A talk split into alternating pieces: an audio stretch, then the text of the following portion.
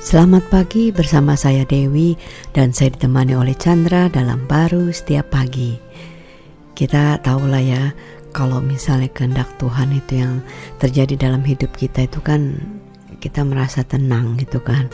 Tuhan aja uh, ingin membuat kita selalu yang terbaik, tapi kadang kehendak Tuhan itu membuat kita jadi bingung juga gitu. Nah, Lukas 22 ayat 42 itu dikatakan Ya Bapakku, jikalau engkau mau, ambillah cawan ini daripadaku. Tetapi bukanlah kehendakku, melainkan kehendakmu lah yang terjadi. Nah, Yesus saja berkata demikian. Apalagi kita, ya enggak? Kita kan ingin kehendak Tuhan yang terjadi kan, bukan kehendak atau keinginan kita pribadi gitu loh. Ya, memang kita tahu bahwa kehendak Tuhan itu yang sempurna, yang baik ya.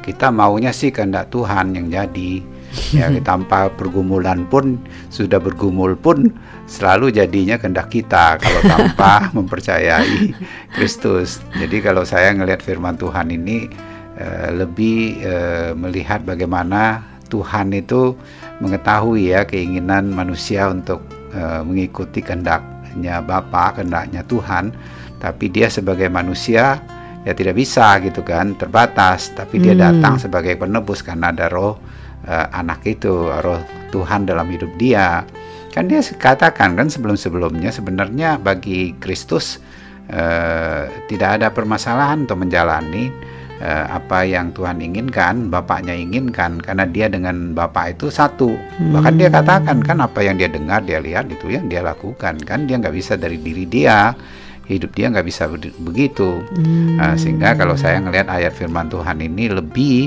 uh, ingin dia uh, menebus ya kehendak manusia kita ini yang sebenarnya selalu aja uh, berlawanan atau tidak sepadan, tidak sesuai, tidak bisa mengerti kepada kehendak Bapa padahal kita di diciptakan untuk bisa wow. mengenal kehendaknya dan menjalankan kehendaknya tapi karena kejatuhan Adam ya kita ada di bawah kehendakan yang berbeda hmm. yang terbatas tapi Maka, jadi berarti kita itu sudah tidak mempunyai keinginan lagi atau misalnya keinginan kita itu sudah uh, bukan dari kemauan kita tapi dari Tuhan gitu. Maksudnya Iya, sama ya? lah kayak anak kecil kalau dia punya keinginan kan uh, kalau dia sendiri kan banyak sekali yang terbatas kan sehingga hmm. dia menyesuaikan diri dia keterbatasan dia kan.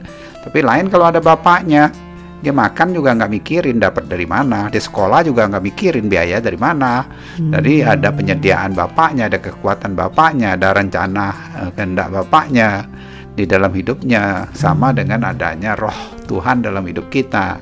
Kita nggak bisa, tapi ada uh, karya penembusan Kristus sehingga kehendak kita yang lama itu yang kita uh, minggu lalu sebutkan sebagai yang sudah disalibkan, mm-hmm. nah, kita memiliki kehendak baru di dalam Dia. Hmm, jadi kita itu bukan baru. seperti, jadi kita tuh bukan seperti kayak robot ya, nggak punya kehendak kita, tapi kita sudah menyatu dengan Tuhan, sehingga kita nggak berasa lagi bahwa kehendak kita itu sudah menjadi kehendaknya uh, sama dengan kehendak Tuhan ya, dengan mudahnya atau secara alami ya kita hidupnya dengan begitu ya. Iya, kalau dulu itu punya kehendak, cuma dosa yang menguasai, maka hmm. itu kita hmm. dianggapnya sebagai hamba dosa.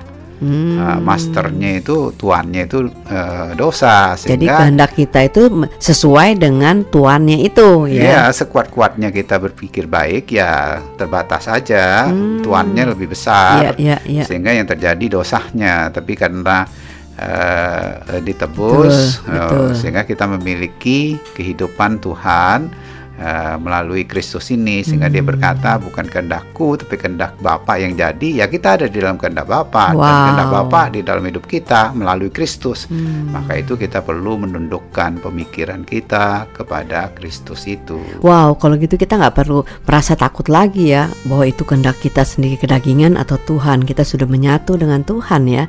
Wah luar biasa sekali. Amin. Amin